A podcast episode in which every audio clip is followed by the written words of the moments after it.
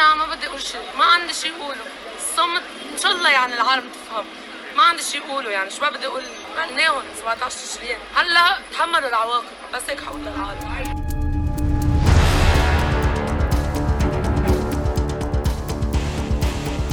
اليوم غضب الشعب الشعب غضبان السلطة تواطعت علينا وضحكت علينا وعم يمهلوا فينا. منو لا عم يحسوا بوجعنا ولا عم يحسوا بالوقت اللي عم نقضيه على الأرض يعني هن قاعدين على الكراسي وقاعدين بالمكيفات وقاعدين بالبيوت والشعب قاعد على الأرض. إنه هيدا النظام السياسي وصل الفساد فيه لدرجة إنه بطل قادر يدير البلد بشكل معقول. عشان هيك تكاثرت الإشكالات بالبلد. ما حدا بيكون مبسوط لما بينزل على الشارع. اجيال ولكن وصلونا لمطرح ما عاد قادرين نتحمل.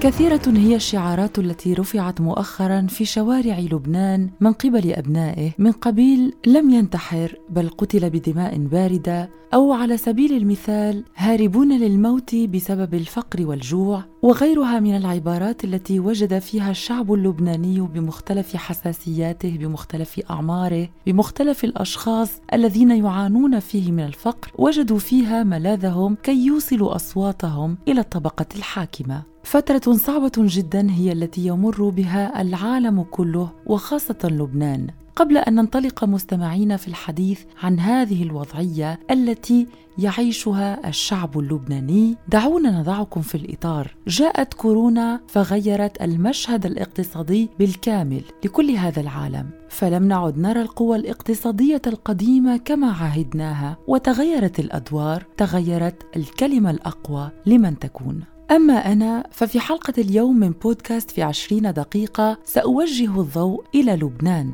وسأحدثكم عن الأوضاع بأكثر تدقيق وبأكثر تفاصيل ماذا يعاني الشعب اللبناني في هذه الفترة ولماذا وصلت الأمور بأبناء الشعب اللبناني إلى هذه الدرجة؟ وأما ضيفتي الإعلامية التونسية خولة سليتي فسوف تحدثنا بنظرة أشمل عن الكارثة التي يتعرض لها الاقتصاد عالميا في حلقة اليوم من بودكاست في عشرين دقيقة.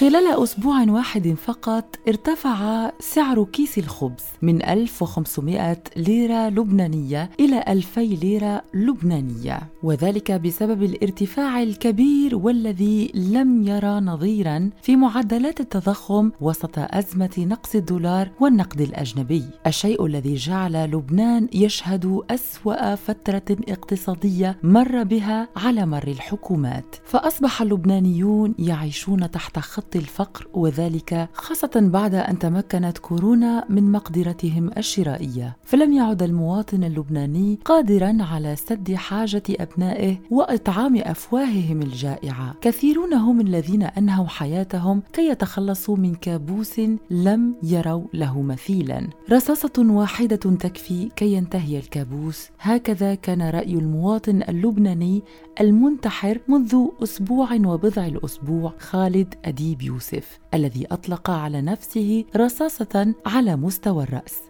في منطقة الحوش وذلك بعد أن فقد كل أمل ممكن في تحسن وضعيته المعيشية صحبة أبنائه وزوجته. عبارة أخرى كانت مدوية جدا في نفس الفترة: أنا مش كافر بس الجوع كافر. كانت هذه الكلمات الأخيرة لمواطن لبناني آخر أقدم على الانتحار هو الآخر في ساحة الحمراء في لبنان. الشعب اللبناني ثائر وغاضب جدا جدا ويخرج تقريبا كل كل يوم للشوارع يقطع الطرقات ويندد بالأوضاع المعيشية الصعبة جدا التي أوصلته إليها الحكومة الحالية. مخاوف جديدة من انهيار قطاع آخر حساس جدا في لبنان وهو قطاع الصحة الذي يمر هو الآخر بفترة أقل ما يمكن أن نقول عنها أنها مظلمة في تاريخ قطاع الصحة اللبناني.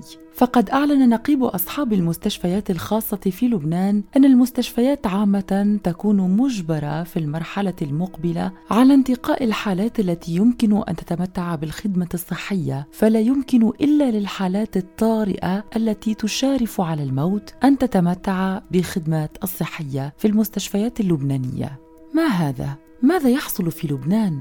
ماذا يحصل للاقتصاد في العالم؟ كيف يمكن أن تتغير ملامح الاقتصاد بهذه السرعة بسبب فيروس مجهري ظهر في هذه الدنيا كي يرعبنا كي يحطم حياتنا وكي يجوعنا أسئلة عديدة نرجو إجابتها. ولذلك استدعينا اليوم الإعلامية والصحفية التونسية خولة سليتي كما قلت في أول حلقة اليوم من بودكاست في عشرين دقيقة والتي ستمنحنا فكرة كافية وشافية عن ما يحصل في الاقتصاد في العالم في أيامنا هذه خاصة بعد ظهور جائحة كورونا.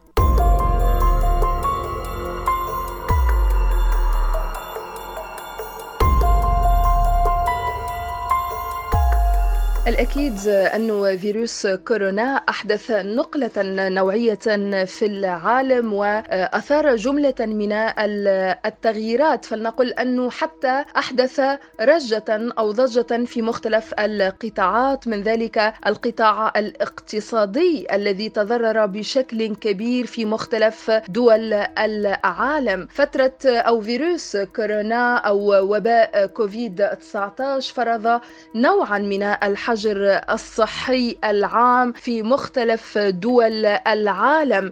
نتذكر جيدا أنه تسبب في توقف الحركة في غلق الحدود في توقف الحركة التجارية وغيرها.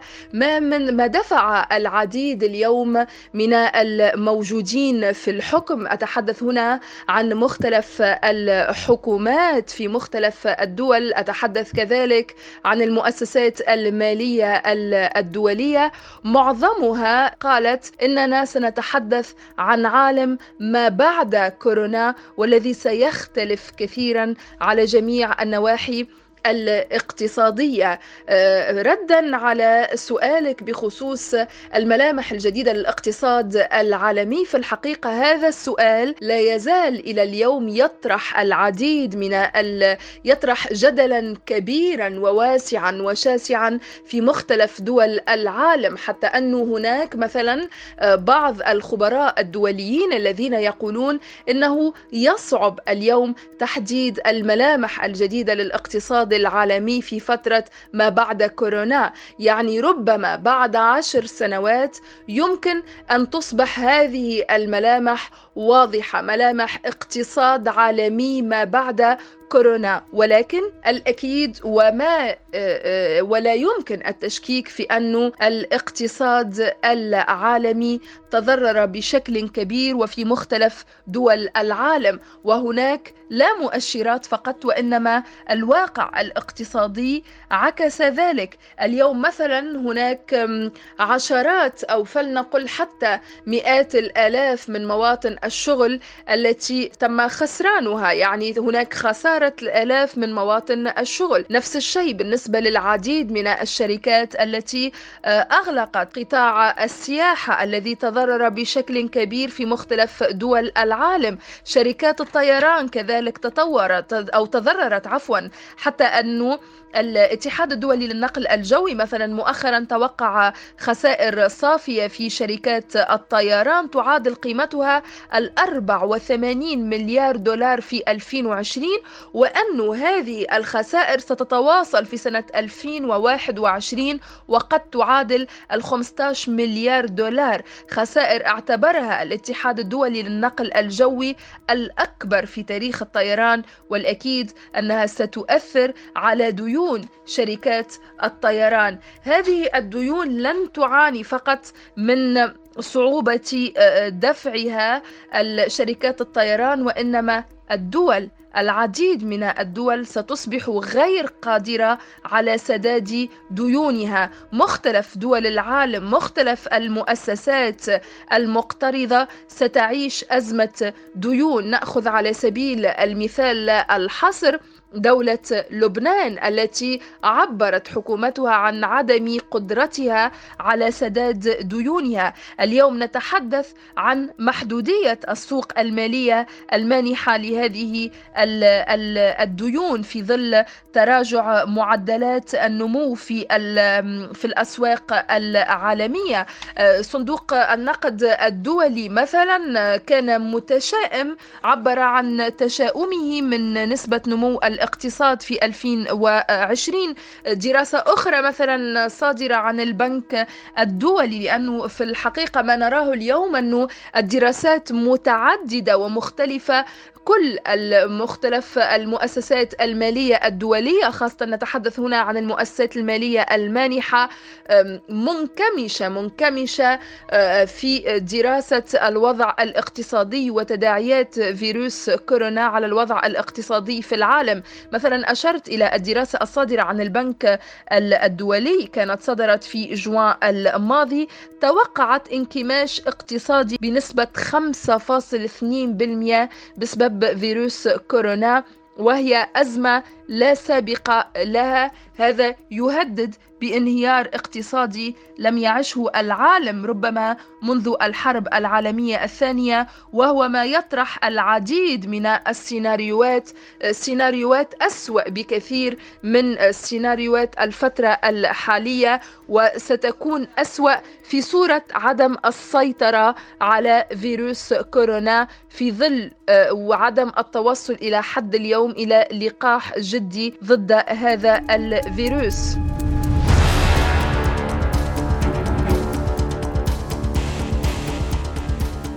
وأما فيما يخص سؤالنا لها عن القطبين الاقتصاديين الأقوى حاليا في تاريخ الاقتصاد العالمي أجابت ضيفتنا كالتالي. إذا نتحدث كذلك عن الملامح الجديدة للاقتصاد العالمي نعلم أن اليوم هناك قوى اقتصادية كبيرة. ستتم مراجعة العلاقات بين عدة دول لأنه نعلم جيدا أن الاقتصاد هو محدد أساسي للعلاقات بين الدول. سنجد قطبين أساسيين اقتصاديين. قطب تقوده الولايات المتحدة الأمريكية. الأمريكية وقطب آخر تقوده الصين. هذه الحرب الاقتصادية ستدفع بالعديد من الدول إلى الاصطفاف وراء إما قطب أمريكي أو قطب صيني بالأساس. آه هذا سيتسبب في حرب اقتصادية بأتم معنى الكلمة وسيفرض تغيرات كبيرة على ملامح الاقتصاد العالمي. اليوم مثلا بعض الدول النامية ستصبح مضطرة لدراسة أو مراجعة منوالها الاقتصادي. رأينا ذلك مثلا الرئيس الفرنسي إيمانويل ماكرون ومختلف دول الاتحاد الأوروبي تحدثت على ضرورة مراجعة منوالها الاقتصادي. الدول النامية أيضا نعلم أن هناك بعض الدول التي تعول في اقتصادها على تصدير مواردها الأولية على السياحة كذلك على تحويلات مواطنيها بالخارج والتي من شأنها أن ترفع في نسبة الاحتياطي من العملة الصعبة. هذا كله سيدفع أو سيدفع إلى تغيير ملامح الاقتصاد العالمي الذي هو اليوم اقتصاد منهك ضعيف بالأساس ستبرز ملامحه أكثر في الفترة القادمة خاصة أنه إلى اليوم لم يتم بعد التحكم في وباء كوفيد 19 وكل العالم كل دول العالم والحكومات في حالة تأهب من هذا الوباء.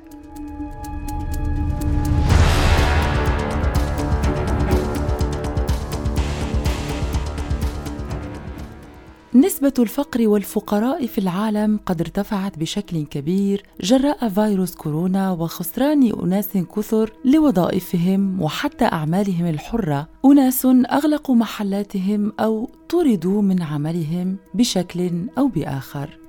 ضيفتنا تقول بأن المشهد الاقتصادي وتغيره يعود بشكل كبير كذلك إلى تغير المشهد السياسي وتغير موازين القوى. اليوم في ظل الوضع العالمي عامة وأتحدث بطريقة أو بأخرى عن الوضع السياسي. قبل جائحة كورونا هناك العديد من الدول التي تعاني الفقر خاصة الدول التي تعاني الحرب الدول التي تعاني ويلات الحروب وتعاني عدم الاستقرار السياسي لأنه دون استقرار سياسي لا يمكن الحديث عن استقرار اقتصادي. دون استقرار سياسي لا يمكن كذلك الحديث عن استثمار. اليوم آه، هناك العديد من الدول فلنقل بطريقة أخرى أنه وباء كوفيد 19 عرى أو قام بتعرية مختلف الحكومات والأوضاع الاجتماعية والاقتصادية لعدد من الشعوب.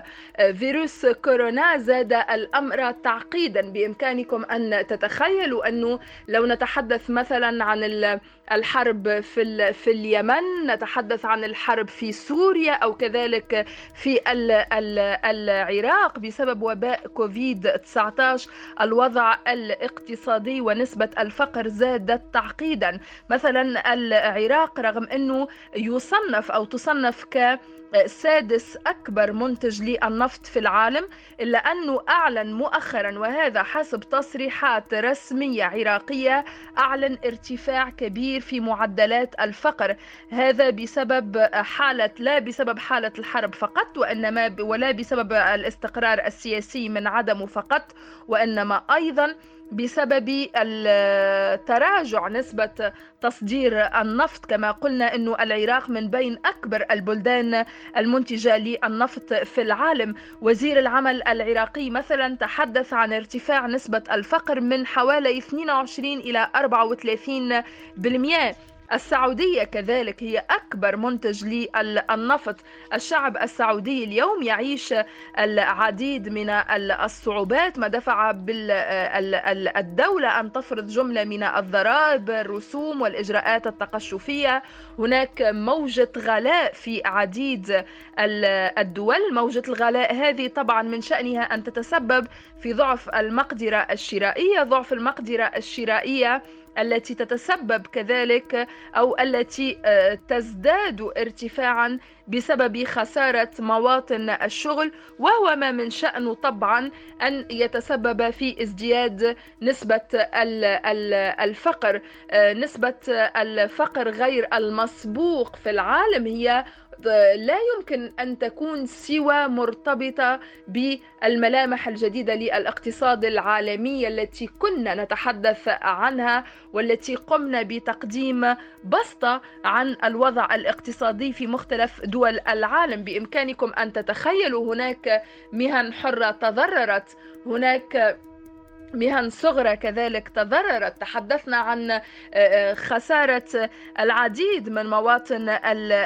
الشغل. هناك مثلا بعض التقارير الدولية من ذلك تقرير صادر عن مكتب الأمانة العامة للأمم المتحدة الذي توقع معاناة عشرات الملايين من الأشخاص من الجوع والفقر بسبب وباء كوفيد 19 نفس التقرير توقع إلغاء قرابة 195 مليون وظيفة بدوام كامل في النصف في النصف الثاني من 2020 بينها 5 ملايين في الدول العربية. هذا إن دل على شيء فإنه يدل طبعا على حجم الكارثة الاقتصادية وفي مختلف دول العالم. كارثة اقتصادية طبعا سأمر هنا مباشرة للسؤال الثالث. كارثة اقتصادية تدفع بالساسة والحكومات إلى مراجعة المنوال الاقتصادي. فلنأخذ على سبيل المثال الدولة الفرنسية. هناك في الفترة الحالية تشكيل لحكومة جديدة بعد استقالة رئيس الوزراء الفرنسي السابق. فرنسا التي كانت في فترة ما تعاني مما عرف بتحرك السترات الصفراء وغضب على سياسة الرئيس الفرنسي إيمانويل ماكرون الذي شهد في عهده عدة احتجاجات وما أن بدأ الوضع بالاستقرار بعد جملة الإصلاحات التي اقترحتها الحكومة الفرنسية جاء وباء كوفيد 19 وساهم في تعرية ال ال ال الوضع. اليوم هناك حديث بين دول الاتحاد الأوروبي على ضرورة مراجعة المنوال الاقتصادي عندما نتابع مثلا الأوضاع الاقتصادية في مختلف دول العالم ما نلاحظه أن هناك إقرار بضرورة مراجعة المنوال الاقتصادي.